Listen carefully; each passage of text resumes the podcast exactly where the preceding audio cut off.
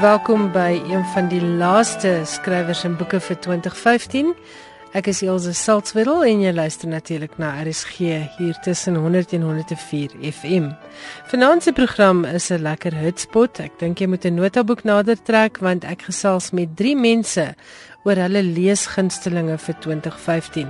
Die boeke wat hulle sal aanbeveel en die boeke wat hulle nooit sal vergeet nie. En miskien is daar iets wat jy wil lees of dalk miskien iets wat jy vir iemand wil gee vir Kersfees. Terwyl jy die notaboek gaan soek, luister ons na Freda Linde in gesprek met Nick Swanepoel. Dit kom uit 'n onderhoud wat in 1988 opgeneem is. En ek speel die uittreksel vanaand omdat Freda op die 12de Desember 100 jaar oud sou gewees het as sy nog geleef het. Sy is in 2013 in die ouderdom van 98 jaar oorlede. En ek het dit goed gedink om haar vanaand te huldig met hierdie kort uittreksel uit hierdie onderhoud omdat ons nooit mag vergeet wat se groot bydrae sy gelewer het tot Afrikaanse letterkunde nie. Sy het 29 kinder- en jeugboeke geskryf, 3 volwasse romans en was verantwoordelik vir die vertaling van meer as 150 internasionale kinderboeke in Afrikaans. Hier is Frida Linde in gesprek met Nick Swanepoel vir die destydse skrywers en boeke. Geniet dit. Frida Linde is seker die mees bekroonde skryfster van kinder- en jeugverhale in Suid-Afrika. Sy is vanaand ons gas in die program. En kom ons begin van voor af Frida. Waar het alles begin? Waar het jy groot geword? Ek is uh, gebore in Swellendam en ek het opgegroei op die plaas, Brintjies op hier. Jy weet dit het 'n winterreën uh, reënval en as gevolg daarvan in die milde klimaat uh tref jy 'n wonderlike verskeidenheid plante groei daaraan. In in daardie gebied. En ek het nou die voorreg gehad as kind om daar op te groei en ek moet sê dat as jong kind het die wêreld 'n onvergeetlike indruk op my gemaak. Jy weet ek het kan byvoorbeeld onthou toe ek nog maar 'n paar jaar oud was, ek het 'n oppaste gehad. Ons het uh, plante gepers, blomme in in boeke. Jy weet soos kinders doen. Dat ek nou nog die vorm van die goedse blare onthou, die triknaels, die mooi reëlmatige blare met weerskante die ronde blaartjies aan die steel. En al die tipe dinge, jy onthou die blomme. En uh ehm um, ek dink ek het uh daardeur uh, baie uh dat my sintuie baie geprikkel was want my werk is ook baie sintuiglik. Jy weet? En ek dink dit het te doen met die omgewing waar ek groot geword het. Ek was eers 'n tekenaar. Uh, ek so 4 jaar oud was. Daar sien jy al weer die invloed van die beeld. Ehm uh, my ouers het dikwels van die goed gehou. En toe later, ek was so 11 gewees toe ek die eerste keer uh begin skryf het. Ek dink ek het die storie tevore vertel. Iemand het dit uh iewers uh aangeteken. In elk geval, uh ek was 'n bietjie onbruikbaar en ehm um, ek het 'n skompering gekry of ek is gedreig met 'n pak of so iets en uh toe skryf ek 'n gedig uh, oor die uh, hoe ek nou behandel word, hoe ek voel. En ek het die gedig vergeet in die kamer op die speeltafel en toe kry my pa dit daar. Dit hy my verstop stok gekry. Dis sê as jy niks te sê het nie, dan sê jy dit in versvorm en dan sê jy dieselfde ding oor en oor. en hy sê dieselfde jammer en so aan. Dis maar in elk geval ek het maar voortgegaan met goedjies skrywe. Maar jou pa, vertel ons 'n bietjie van jou pa. Hy was my pa was 'n merkwaardige man. Uh jy weet hy het hy was baie uit 'n natuurlike begaafdheid gehad in baie rigtings. Hy was geïnteresseerd in sterrekunde. Hy hy was 'n bietjie filosofies aangelê. Hy het uh, die mense se uh, hy was 'n tandarts, 'n uh, amateur tandarts daar. En die mense se tande getrek. Hy, ek het nou nog sy stel 'n uh, stel van sy tandetrekkers wat sommer vir die aardigheid hou. Hy het hulle hare gesny. Hy kon op die orgel speel sonder opleiding. Hy het huise gebou daar in die omgewing, is baie van die huise wat hy gebou het, hy het ons eie huis gebou. Hy was besonder begaaf. Hy het geen sake aanleg gehad hoegenaamd nie. En nie eintlik 'n sukses van sy geld sake gemaak nie. En jou ma? My ma was uh ehm um, meer geletterd sou ek sê as my pa, sy was onderwyseres. En my, my pa het al die Afrikaanse boeke soos die van Langehoven gehad en my ma het het al die digbundels gehad van Shelley Wordsworth en uh en en hulle uh en Victoriaanse romans. Ek het nou nog van die Burns se gedigte, Shelley se gedigte, die wat aan my ma behoort het. En my ma het self so 'n bietjie geskrywe. Sy het uh, destyds in boeke oefeningboeke goed goedjies geskryf en sy het werklik ook sy het ook gepubliseer van haar goed. Sy het 'n ding bijvoorbeeld iets geskryf wat getitel was 'n uh, soort van 'n essay My moeder se doilies wat ek nog het. Wat dit het verskyn dink ek in die tydskrif Naweek. So so ek het van my ouers iets gekry. Uh behalwe my opvoeding. Jy weet 'n bietjie oorgeerfde aanleg. Ek is ook baie veelsidig. Dit is eienaardig. As ek dit nou mag sê, jy weet soos my pa ek ek, ek kan ja, alle ek is nie een van die mense wat niks met hulle hande kan doen nie. Dit is vir my heerlik om goed te maak. Selfs skrynwerk te doen. Ek kan sien dis ander wat kan iets doen. Uh dan is daar baie aktiwiteit van jou lewe, jy weet wat jy baie buite is. Ek was baie aktief geweest perd gery en ons het gestap daar die 2 myl elke dag en terug in die hutte tot by Middelrivier. Ehm um, kan jy sê daardie uh, tyd was baie dat ek daardie tyd geskryf het nie. Dit was meer. Mense is verskriklik aktief daardie jare. Jy, jy weet, hier so van ja 12 13, ja. Uh maar toe ek ongeveer 14 uh, jaar as ek na die My ouers my na na die uh, Woesterse seminary gestuur na die meisieskool by seminary tuis gegaan. Daar was 'n uh, uh, groot uit, uitbarsting van skepings uh drif kan amper sê belewe want ek het honderde gedigte seker wel nie gedigte nie maar so so kind skryf. Versies het ek geskrywe en elke ons het twee studie ure gehad en die een studie ure het ek gewoonlik gesitte versies maak. En ek was mal geweest oor die voorgeskrewe werk die die Engelse gedigte wat ons gehad het ons het Anthology of Modern Verse gehad. Ek het hulle uit my hoof geken. Maar sy is so mooi geweest. Robert Louis Stevenson, W.B. Yeats, daai lot. Nou. Ek, ek dit is regtig 'n vreugdevolle tyd geweest. Uh daarvandaan was ek uh, was ek 2 jaar by Jan van Riebeeck. Daar het ek my eerste letterkundige pryse gekry. Terwyl ek met Jan van Riebeeck op skool was. Ehm um, ons het ek het twee onderwyseresse daar geken wat vir my geïnspireer het. Uh, die een baie klein rukkie, dit was M.I. Murray. Sy's 'n bekende skrywer, sy's onlangs oorlede. Die ander een was Essie Malan en Essie Malan het was 'n klasonderwyser van ons. Sy het my baie geïnspireer. En staan 19 het ek vir haar gehad. En ek het in staan 9 my eerste prys vir 'n essay gekry op die Suid-Afrikaanse Stetford. Volgende jaar het ek 5 pryse dink ek gekry. Ehm um, vir essay, vir skets, vir essay. Ehm um, 2. Een essay in die in die ouderdomsgroep. Die twee die ander essay in die oop afdeling, jy weet dan het ek 'n toneel een bedryf geskrywe en dan het ek 'n prys geskryf gekry vir die opvoering van daardie een bedryf. Nou vier wat ek kan onthou.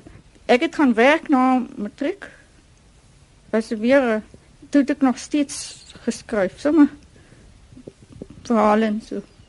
Want ek ek het natuurlik uh, met diere groot geword. Daarom uh, is ek lief vir diere. Maar wat die diere my verhale betref uh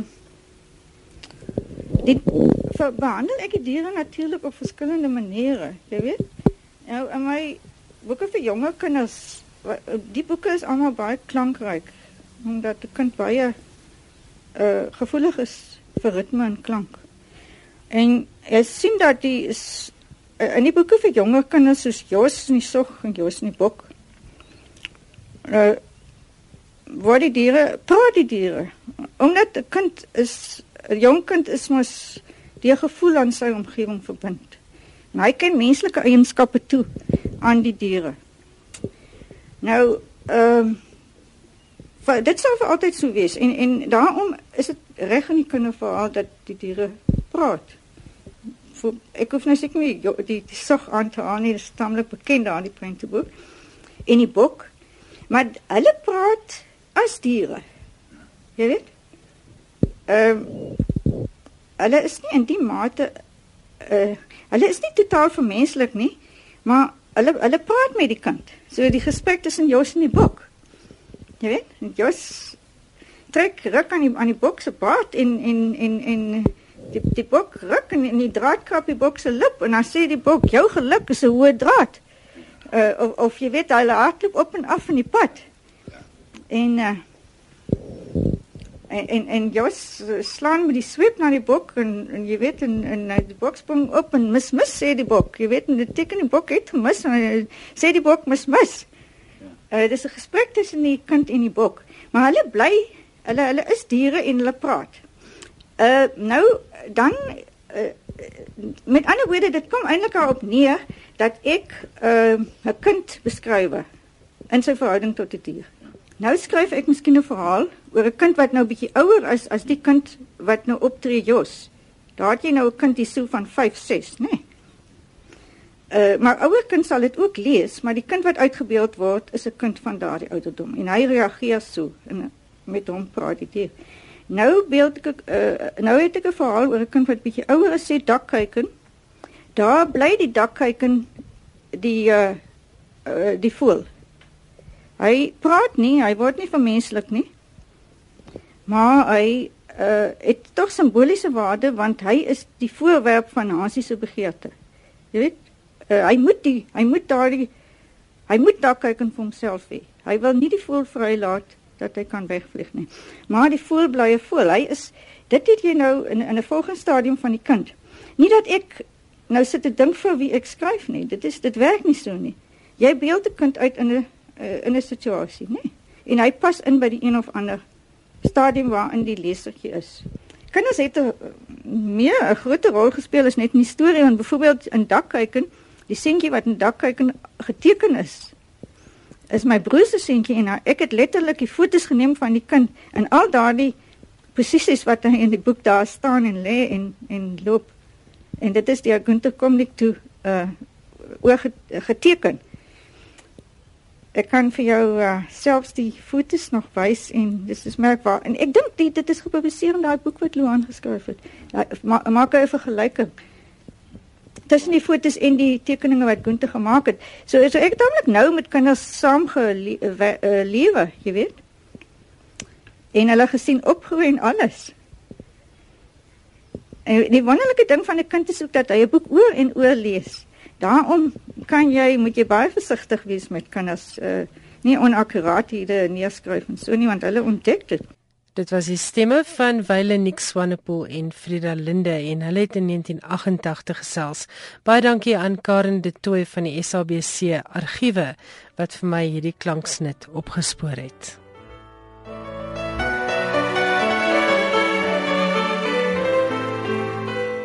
Ek het vanaand 'n spesiale gas by my in die skrywers en boeke ateljee. Dit is Helen Schur, die Baba en Kleuter redakteur. Sy doen ook gereeld boekresensies vir die dagblad Beeld en Helen is die skrywer van Koningskos vir kinders. 'n Pragtige resepteboek wat ma's 'n bietjie inspirasie gee vir daai eerste baie belangrike eetjare waarin jy eintlik jou kind se eetpatrone vestig.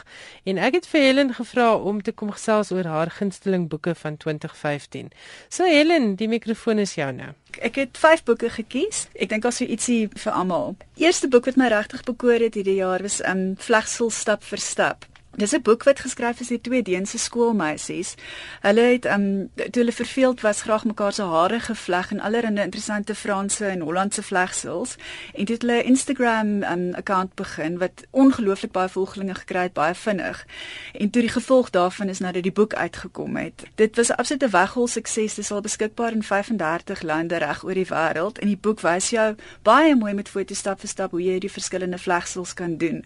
Daar's ook onder andere daai beroemde cat Katniss Evergreen Vlegsel, dis ook in die boek te sien. Dis hy's mos die hoofkarakter van die Hunger Games. Ja, en die, en die boek is net dis net so slim en mooi en ek dink dit is 'n fantastiese geskenk as jy enigstens 'n skoolkind in jou lewe het, laerskool of hoërskool wat lekker lang dik hare het, is dit 'n baie goeie geskenk vir haar of haar ma of enigiemand wat jy ken met lang hare. En boek nommer 2 Tweede op die lysie se boek wat my geweldig geïnspireer het, um dis Animal Vegetable Mineral deur Barbara Kingsolver. Sy is 'n bekroonde fiksieskrywer. Haar, boeke het altyd so wetenskaplike aanslag en 'n bietjie van 'n omgewingsaanslag. Sy is so goed wetenskaplik en sy kan baie goed skryf oor wetenskapsake en omgewingsake. Maar hierdie boek is nie fiksie nie. Um haar man en haar oudste kind het ook saam met haar geskryf. Hulle gesin het basies 'n eksperiment um ondergaan vir 'n jaar. Hulle het besluit om net te eet uit hulle eie tuin. Hulle het 'n baie groot groentetuin aangelê gelê. Hulle woon op 'n plaas en en net kos te koop wat binne 'n uh, ek dink dit was 'n 100 km radius van hulle huis te kry is. En hulle verduidelik hulle baie mooi hoe hulle te werk gegaan het en dit was fascinerend en inspirerend en dit het my my groentetuintjie so bietjie laat uitbrei en um, en ook baie ek het baie meer na na die etikette van kos begin kyk en begin aandag gee aan waar die kos vandaan kom wat ek koop. Dit gaan nie daaroor om organies te koop of so nie, maar gaan oor die voetspoor, né? Ja, en oor die voetspoor. Ja, oor die groter invloed invloede want nou koop ja. jy mielietjies wat uit Kenia kom ja. ten koste van mielietjies wat van Hartbeespoortdam af ja. kom. Ja, regtig vir ek dink dis elke Suid-Afrikaner se plig om ons plaaslike boere te ondersteun en kos te koop wat plaaslik vervaardig word. Ek het opgehou om ingevoerde vye te koop of daai heerlike klein appelkosies wat van Turkye ja, afkom ja. en en ek het selfs onlangs gesien daar's nou langlewe melk wat van Pole afkom wat baie goedkoper is as die plaaslike langlewe melk, maar ek weier om dit te koop. Hoe hoe hoe kry hulle dit reg om hierdie melk so goedkoop te te vervaardig as ek dit kan noem. Dis wat daai plase eintlik doen en dit hiernatoe te vlieg en nog steeds R2 goedkoper te wees as plaaslike melk. Dis ja. net vir my dis verkeerd. So die boek laat mense baie dink. Ek dink as jy enigstens van tuin van jou tuin hou of groente hou, gaan jy baie inspirasie daar kry. En dit maak jou net bewus van omgewingsake en hoe boerdery eintlik 'n omgewingssaak is. En is dit so onderhoudend geskryf soos haar fiksie? Geweldig. Daar is min skrywers wat vir 20 of 30 blaaie oor aspersie kan skryf en jou heeltemal boei en sy kan dit doen. Daar's ook skreeu snaakse dele van die boek. Ja, dis snaaks, dis slim, dis 'n fantastiese boek. Ek het dit al twee keer gelees. Dit was vir my so lekker. So die boek se naam is Animal Vegetable Mineral deur Barbara Kingsolver en sy was hier vroeg in 2015 ook 'n gas in skrywers en boeke. Dit het ons onder meer oor hierdie omgewingsingesteldheid vandag gepraat. Wat het jy nog op jou leeslys? Dan het ek 'n boek, 'n Sweedse boek, The 100 Year Old Man Who Climbed Out the Window and Disappeared. Nou die titel sê vir jou waarmee die boek wegtrek. Dit wat hierdie boek was so 'n verrassing. Jonas Jonasson is die skrywer en die titel som so half die storie op, maar dis daar's so 'n kombinasie van humor. Mens lag hardop. Daar's twee soorte humor wat die hele tyd deurkom. Daar's hierdie droë humor van die ou man wat nie lus is vir sy verjaarsdag partytjie in die ou huis nie en dan klim hy uit die venster en verkas.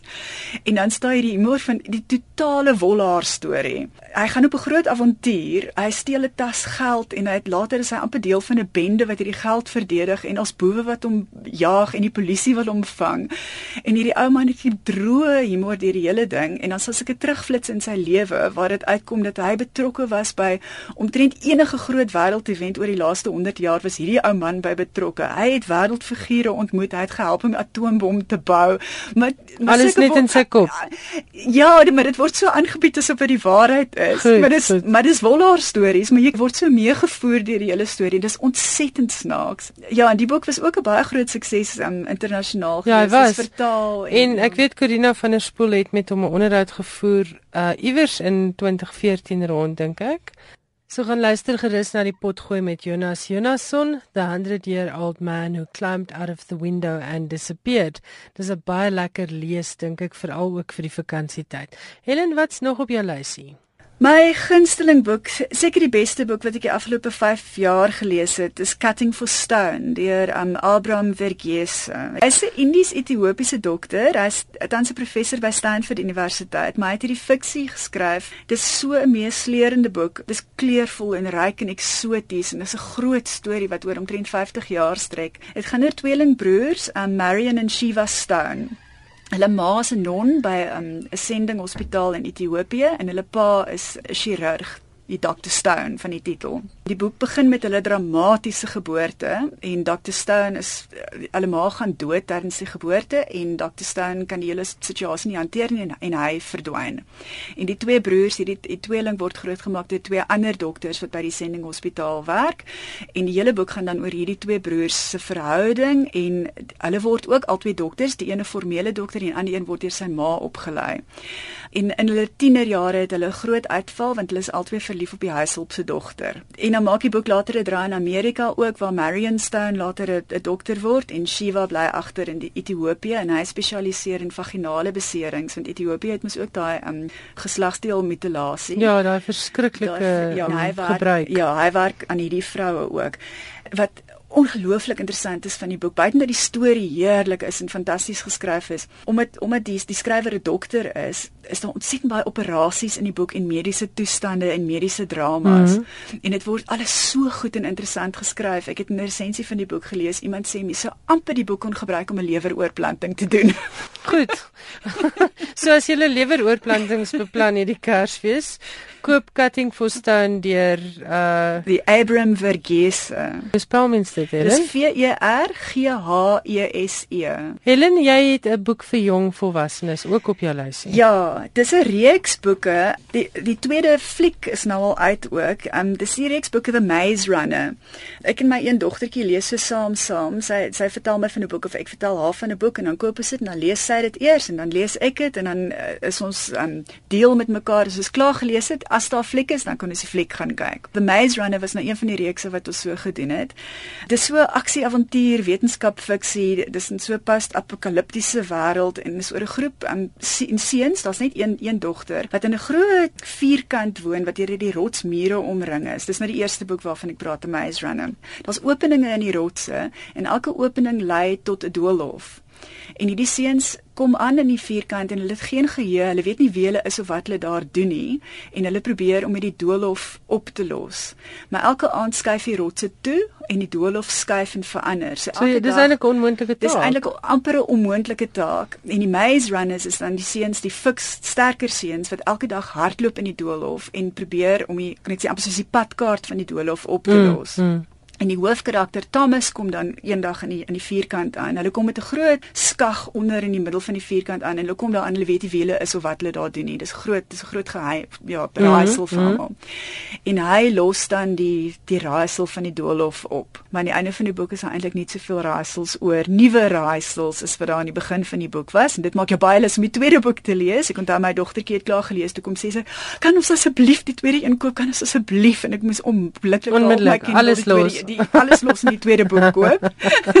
ja, so ons het klaar gelees en toe die flieks gekyk en die tweede fliek dink ek was nou so 'n paar maande terug, The Scorch Trials. Ja, dit was omtrent in uh, September, Oktober ja, vrygestel. Ja, ons het ja. ons het hom ook gaan kyk en is dis altyd as 'n klein lesertjie, dis dis so lekker na die fliek en dis baie opwindend. Ons het na die tyd mekaar so gekyk en gesê ja, die boek was beter.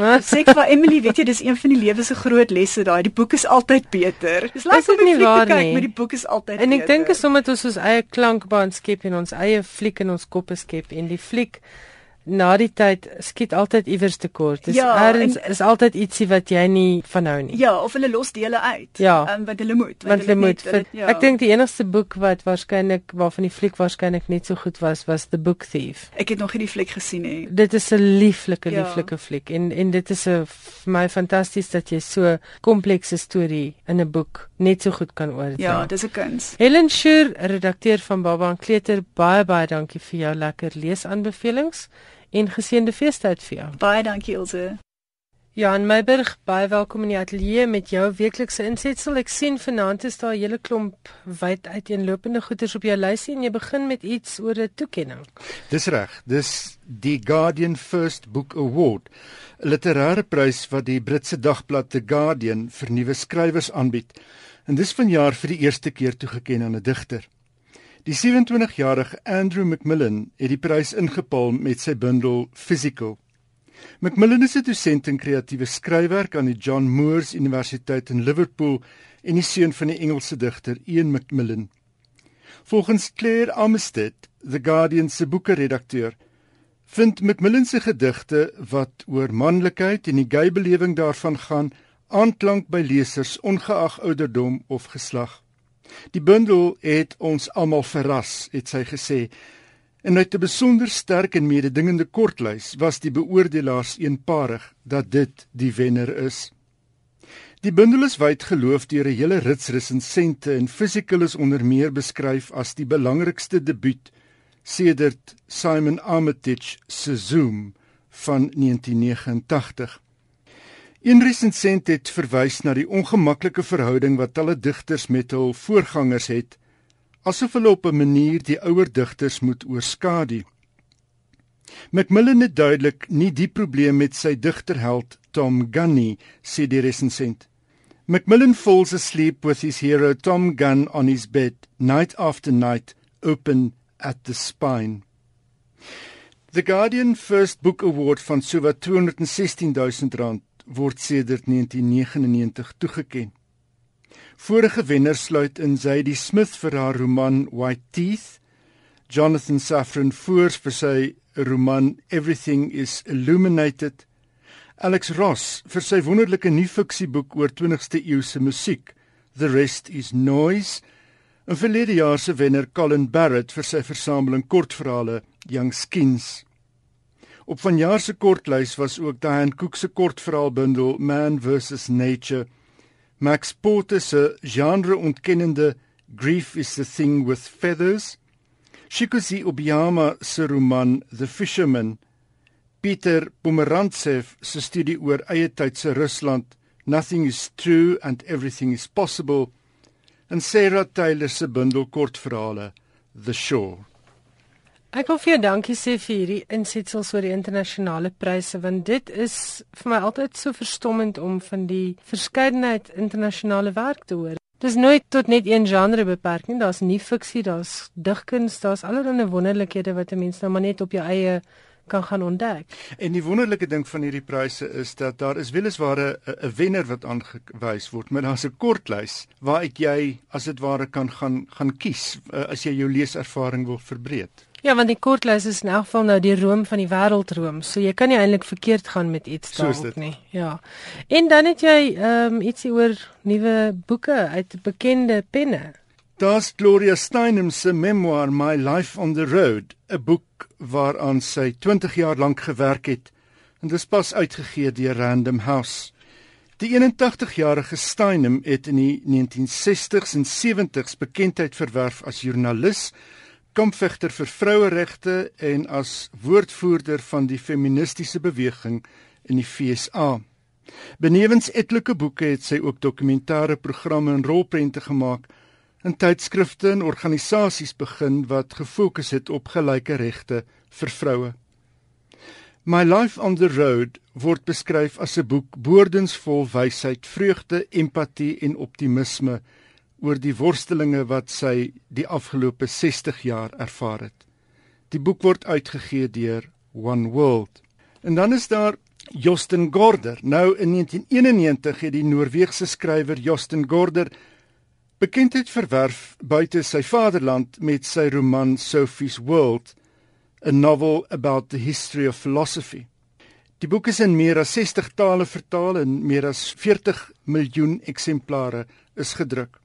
Die boek geskryf soos hy dikwels doen uit die perspektief van 'n kind, bied 'n wonderlike oorsig van die westerse filosofie, van die Grieke tot by Descartes, Hegel en Marx in die vorm van intrige en verwondering. Van Gorder het pas 'n nuwe boek verskyn, The World According to Anna. 'n Boek wat die Britse Independent in 'n resensie beskryf as 'n pamflet oor klimaatsverandering vir stommerike. Gorder is lankal bekend as 'n krangige kampvegter vir die omgewing. Wonderlik, meen die koerant. Maar nou het sy aktivisme sy skryfwerk vertroebel. Die boek word bemark as 'n fabel vir ons tyd, een waarin Anna byna 16 en met ene Jonas as haar kerel gereeld droom sy reis na 2082, 'n jaar waarin sy haar agterkleindogter teekom. En die vat Anna aan oor wat haar geslag met die planeet aangevang het.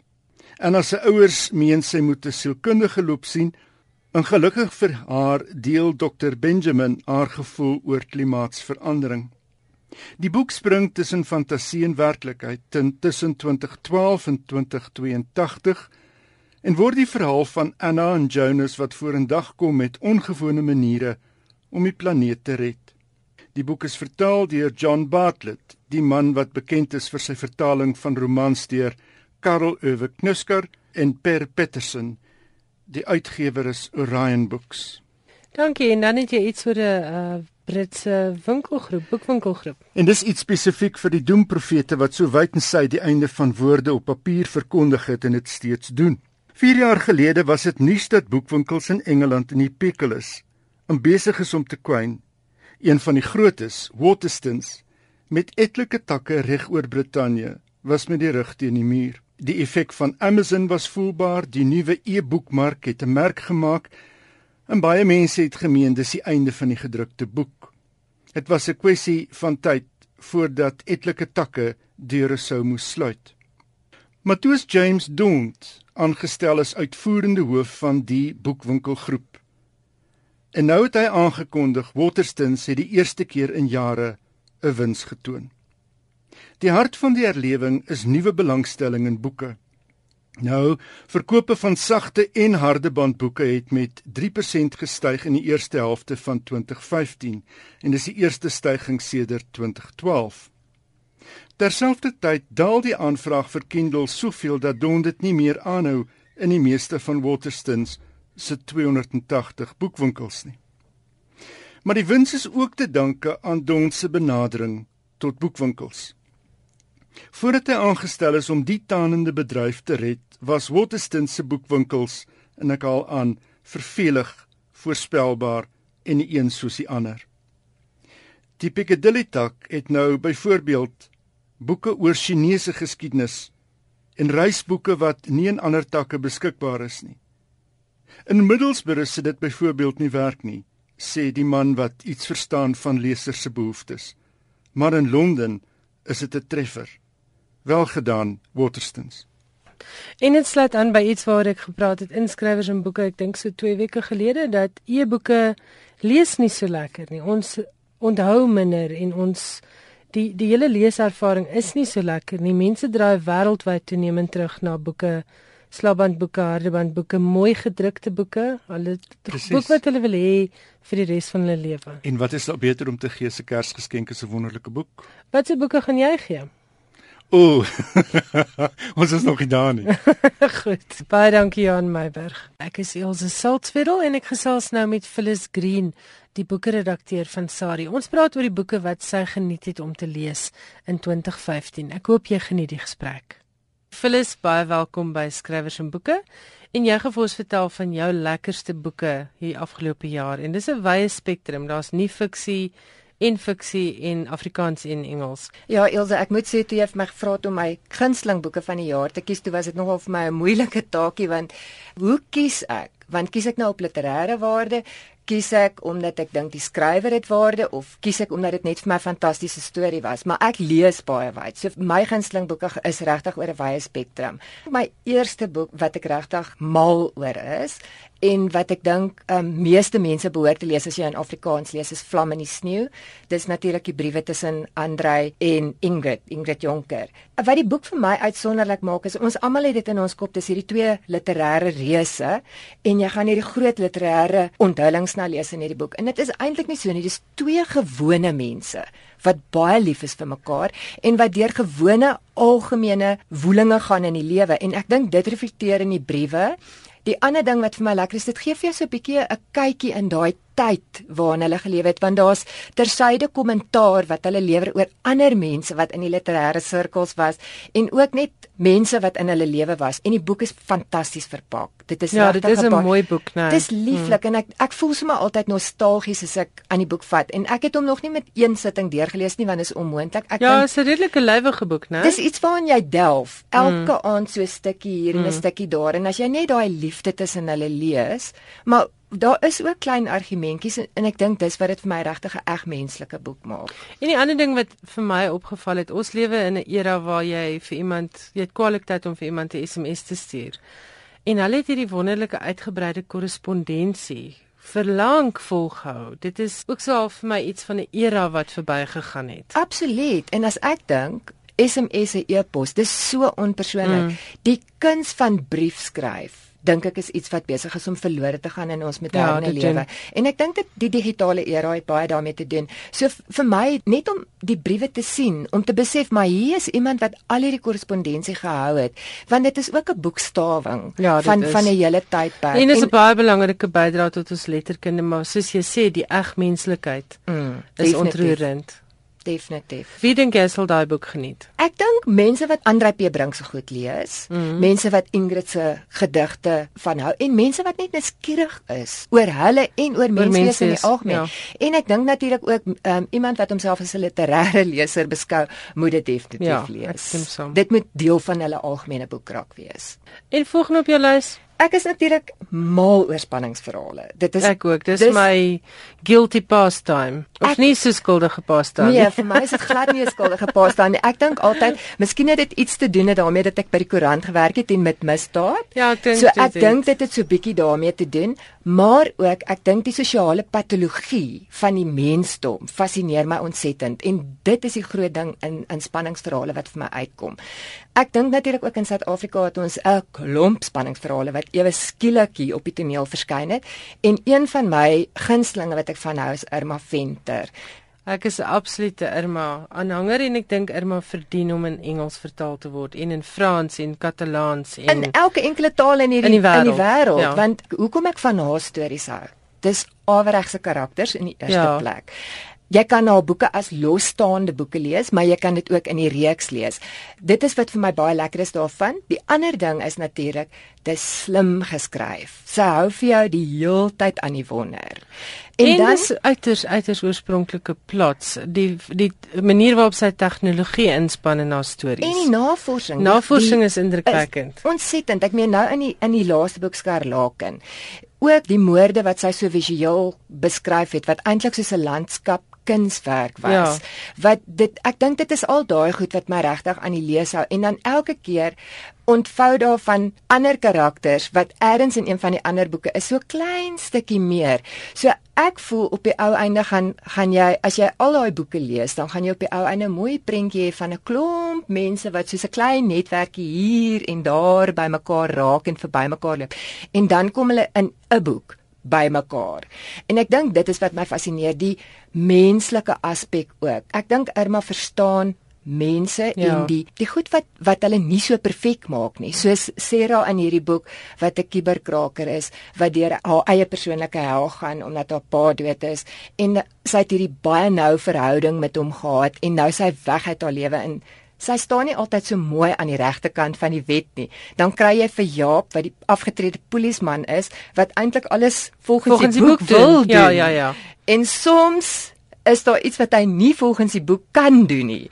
En dan is daar hierdie wroging in hom En dit maak vir 'n ongelooflike lekker spanning. Ja, en sy's jonk en hy is oud en dis daai generasiegaping ja. ding ook nog en is die werkswyses wat verskil. So ek dink dit maak dit vir my interessant. Daar haar goed is ook vir my baie kontemporêr. So Mm. ek dink hierdie boek is vir lesers wat hou van spanningsverhale, maar wat ook wil iets lees wat eie tyds is. En ek dink mense moet altyd besef oud joernaliste soos Chris Karsten en Irma Venter en hulle pak navorsing baie anders aan. Dion Meyer is ook 'n oud joernalis. Totaal en al. So hulle pak navorsing fantasties aan en dit dra geweldig baie by tot die sukses van hulle werk. Dink ons is net baie geseënd dat ons soveel goeie skrywers in Afrikaans het in daardie spesifieke genre en dat daar nuus is wat op die mark kom. aan mekaar op die mark kom mm. en ek dink dit het baie te doen met die literêre snobisme wat 'n bietjie aan die afneem is. Dis nou ja. oukei okay om spanningsverhale en ontspanningsverhale te lees. Dit jy hoef nie nou meer net literêr te wees om as 'n leser 'n gerekende leser beskou te word nie. Inderdaad. Nee, dit is is so. Ek dink mense was in 'n stadium met hulle gedink, "O, ons moet net die groot name in in die Afrikaanse literatuur lees." My belangrike ding wat ek voel, solank mense lees. Ja, ek stem saam met jou. Lees net ietsie. Presies. En lees bly vir die lekkerte vir my. Lees is in die tweede plek opvoeding en in die eerste plek ontspanning. Jou derde boek. Hierdie boek en ek was baie baie bevoorreg om die skrywer te ontmoet toe sy na Suid-Afrika toe gekom het. Helen McDonald, sy het 'n boek geskryf met die naam van HS for Hawk. En hy het 'n groot prys of wat gewen en hy Ja. was op 'n kortlys vir 'n paar pryse, Ja, nee. vir Pulitzer as ek dit nie mis Ja. het nie. Wat die boek vir my so fascinerend maak is veral mense wat verlies in hulle lewe gehad het, wat iemand aan die dood afgestaan het. Jy behoort te weet Elsje, rou is 'n baie persoonlike ding en dit is 'n baie moeilike ding om eintlik in 'n boek te sit en te sê maar kyk, so verwerk jy rou, dit is die proses of wat ook al want dit is persoonlik vir elke mens en elke mens ervaar ook daai proses anderste. Helen se hele proses met die dood van haar pa wat baie skielik dood is wat sy was nogal na aan hom was dat sy het 'n goshawk, 'n Afrikaanse sperwer, het sy gekoop en sy het besluit om hierdie sperwer op te lei. Dit is nou haar manier, haar, haar fisiese manier om die rou te verwerk. As kind het sy 'n boek gelees van die skrywer T.H. White. Sy boek het gegaan oor sy eie poging om 'n sperwer af te rig en dan skryf hy in hierdie boek baie eerlik hoe hy gefaal het om dit te doen. Dat hierdie sperwer het eintlik vir hom ore aangesit. En as kind het dit haar gefassineer dat 'n volwassene mens nou eintlik sê, hoor hier is iets wat ek nie reg kry nie, hier is iets wat ek nie kan doen nie. En dis 'n klein valkie, dis nie eers 'n groot Dis nie 'n valk groot valk nie, maar dit gaan oor die persoonlikheid van Ja, die valk want ja, dit ja. is die ding wat sy in die boek ook skryf. Toe sy nou Mabel is haar valk se naam. Wat sy nou sê is Mabel het haar eie persoonlikheid gehad en hulle twee moes mekaar vind. Mm. Hulle moes ophou om te mekaar te veg sodat sy wat Helen is deur haar rouproses kan kom en ook deur sy deur hierdie rouproses die ehm um, biografie van die White ou ook nog skryf want daar's baie raakpunte in dit. Ek dink twee goed wat vir my uitstaan in die boek. Die een is die natuurbeskrywing en hoe sy beskryf die kuns van falconry. Ehm um, is ongelooflik. Dit slaan amper die asem weg. Dan dink jy, "Sjoe, kan iemand iets so met hart beskryf?" En dan kom jy by daai rou, die rou rou en emosie van die dood en van hoe sy haarself eintlik probeer vernietig in die proses totdat die valk haar laat besef, maar hoorie so, ek moet ophou om my so af te sluit van mense. Ek moet teruggaan in die mensdom. Sy het vir my ook vertel en jy sien dit ook in die boek wanneer sy skryf oor die gedenkdiens wat vir haar pa gehou is en al sy oud kollegas wat daar so sit en haar ma en haar broer en sy mis 'n hulde blyk lewer. Toe besef sy maar sy is so selfsugtig eintlik in haar eie pyn dat sy vergeet het hier is ander mense wat net so lief was vir hom en wat net so moeilik deur die proses gaan as wat sy gaan. So ek dink dis 'n boek wat wat lesers eerstens moet lees omdat dit baie mooi geskryf is. Jy hoef dit nie te lees omdat dit gaan oor die dood en oor Nee. rou nie. Dis net 'n pragtige Die ding wat ek ook kan sê oor die boek, dis glad nie 'n swaarmoedige boek nie, want as jy nou dink dood, rou, die proses, mm. daar's ontsettende baie fasette van menswees in die boek. So ek dink dit is net een van daai boeke wat ek voel sal aanklank by 'n baie wye audience hê. So jy kan hom in enige lewensfase lees. Definitief, Okay. definitief. Dit gee net insig. van H is for boeke. Hawk en die skrywer is Helen MacDonald. Helen McDonald. Ek gesels met Phyllis Green, sy is die boeke-redakteur van Sari. Ons praat oor die boeke wat haar gaan bybly van 2015 en die vierde boek op jou lysie. My vierde boek, dis vir my baie interessant. Um ek kom uit 'n gemengde gesin, soos van Engels en Afrikaans.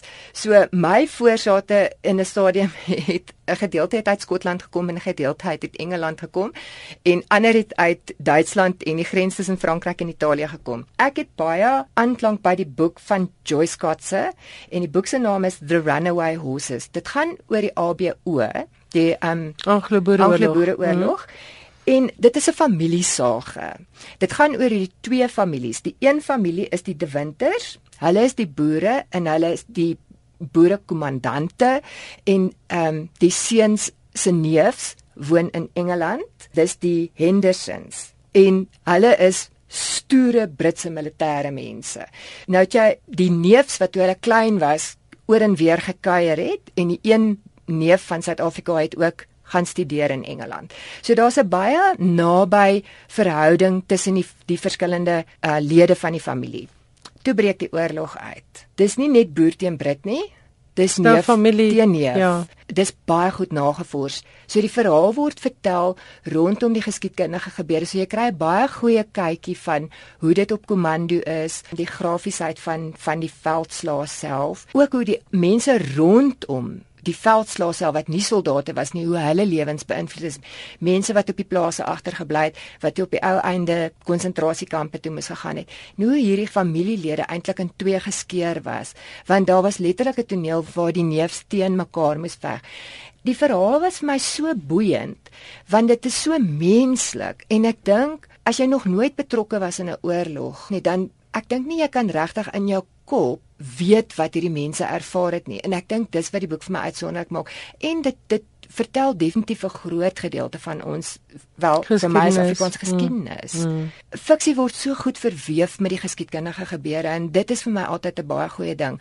Ek het nooit van geskiedenis op skool gehou nie want dit was my so vervelig. Hierdie boeke wat so op geskiedenis gegrond is. Dit vertel vir my die geskiedenis in so 'n opwindende manier. Ek leer baie meer van my eie agtergrond van my mense se agtergrond. Dis dan The Runaway Horses deur Joyce Kotse.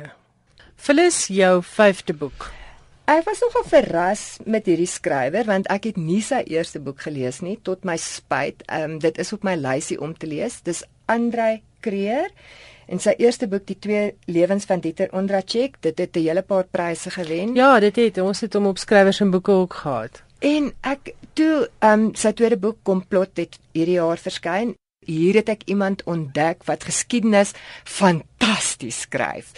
Dis nie Suid-Afrikaanse geskiedenis, Suid-Afrikaanse geskiedenis maar met 'n wêrelds trefpunt. Gaan oor die Spaanse burgeroorlog. Ja. Nou waar in my lewe sou ek ooit 'n boek opgetel het oor die Spaanse burgeroorlog om dit vir plesier te lees. Ja. Dis 'n fascinerende verhaal van Thomas Jacobs wat 'n Suid-Afrikaner is, maar hy was eintlik 'n anarchis. Hy was nie hy was nie deel van die van die mainstream as ek dit so kan sê in die politiek nie. Toe het daar 'n hele paar goeters het gebeur in sy lewe en toe besluit hy maar hy gaan Spanje toe om aan die anarchistiese kant uh, teen die fasiste te veg in die Spaanse burgeroorlog. So daar's verskillende fasette wat uitgelig word in die storie. Eerstens is dit Thomas se verhaal, maar dan kry jy ook die spioen Ortiz sy verhaal en dis net die manier hoe die storie aan mekaar gesit is. Daar's 'n baie eg menslike element aan Thomas want eintlik is hy 'n karakter wat jy dink maar jy is iemand wat teen die regering is wat nie eintlik wette volg nie en so ek behoort nie van jou te ja, hou nie. Ja, maar nou doen ek. En tog doen jy want sy menslikheid en sy oortuigings laat hom doen wat hy doen. So die in daai opsig was dit vir my 'n heerlike verhaal. Iemand wat hou van geskiedkundige verhale met baie goeie navorsing wat soemloos deel van die storie is behoort dit te lees. Dis Andre Kreer se komplot. En dit was Phyllis Green, die boekredakteur van Sari. Phyllis, baie dankie vir jou tyd. Baie geseënde feestyd vir jou en volgende jaar praat ons weer oor boeke. Definitief Ilse, daar's baie wat wag om gelees te word. En die vrou wat so lekker passievol oor boeke kan gesels is Phyllis Green, die boekredakteur van Sari. Johan Meiberg is nou by my in die ateljee maar vir iets anders as sy normale weeklikse letterkunde insetsel. Ek wil by Johan weet watse boeke het hy hierdie jaar gelees?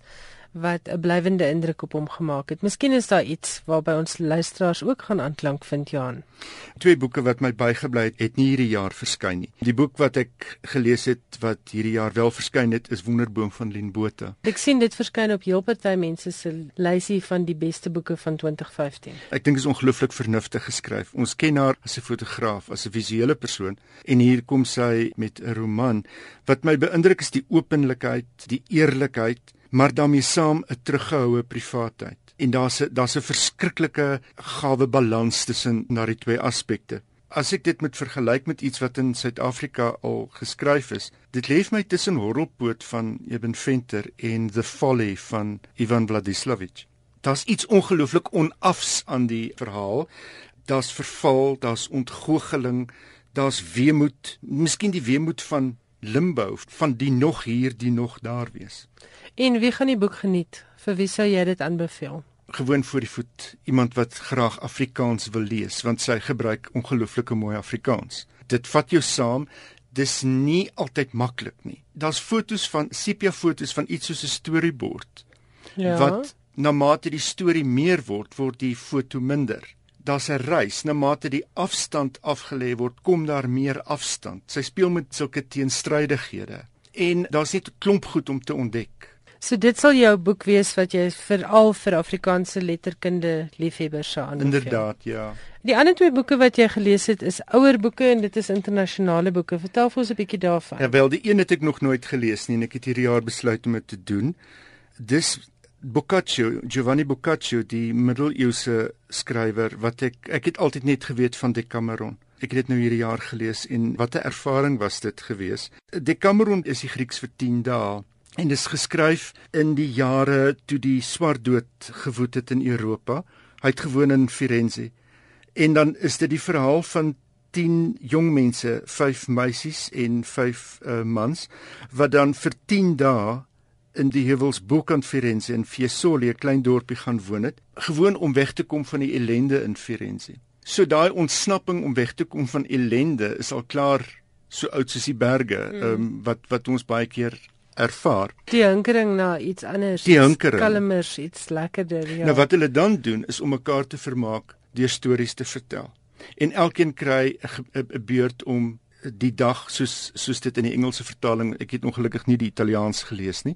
Ehm um, die Engelse vertaling hy's king for the day of queen for the day. Ja. En die uh, stel die een die ander aan die woord dan sodat daar op die ou einde 10 stories tot stand kom. So die boek bestaan uit 100 kortverhale of novelles.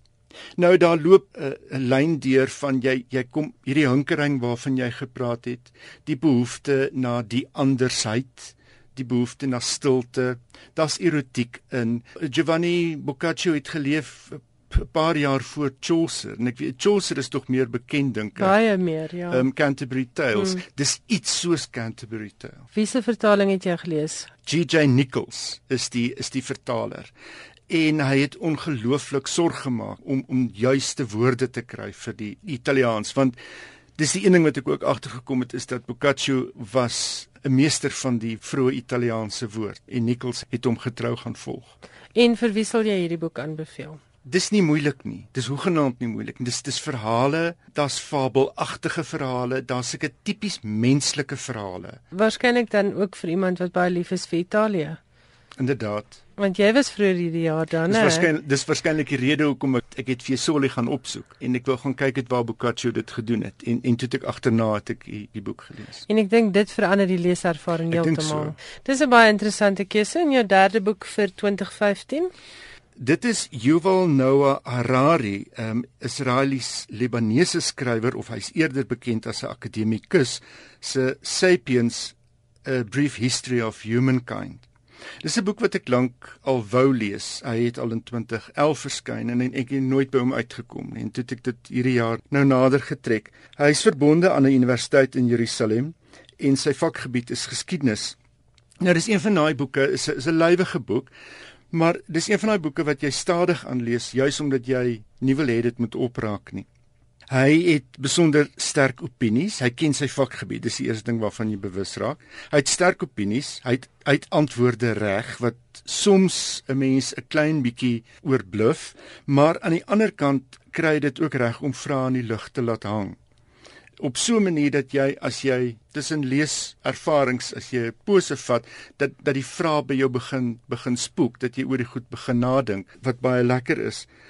Hy verpak historiese gegevens nou, dis gegevens van 100 000 jaar gelede. Verpak hy op so 'n manier dat jy nie net 'n idee kry van hoe dit 100 000 jaar gelede moes gewees het nie, maar hy bring ook jou huidige situasie in perspektief. Hy sal byvoorbeeld sê dis baie moeilik om agter te kom hoe die mens hoe sapiens dan van 100 000 jaar gelede gevoel het oor godsdiens en kultuur en en en en die goed. En dan sê hy maar dis nie soveel anders as wat historiese in die toekoms moeite gaan hê om uit te werk wat was belangrik vir tieners van die vroeg 21ste eeu nie. Want daar's geen rekords van telefoongesprekke nie. Daar's geen rekords van e-posse of van SMS'e nie. En dan snap jy net goed maar maar eintlik bly ons deur al die eeue dieselfde. En ons bly 'n bietjie onverstaanbaar, né? En ons bly 'n bietjie onverstaanbaar. Eintlik heeltemal onverstaanbaar. So vir wie sal jy hierdie boek aanbeveel? Dis waarskynlik mense wat in geskiedenis belangstel. Maar ek dink dis nie net geskiedenis nie. Ek gaan filosofies te werk dat hy vir jou verbande begin trek na wetenskap, na kultuur, na godsdiens, na politiek. Dit gaan nie so seer oor die geskiedenis van die mensdom nie as wat laat die mensdom tik of wat politiek, die mensdom alles. Baie interessant Johan, baie baie dankie.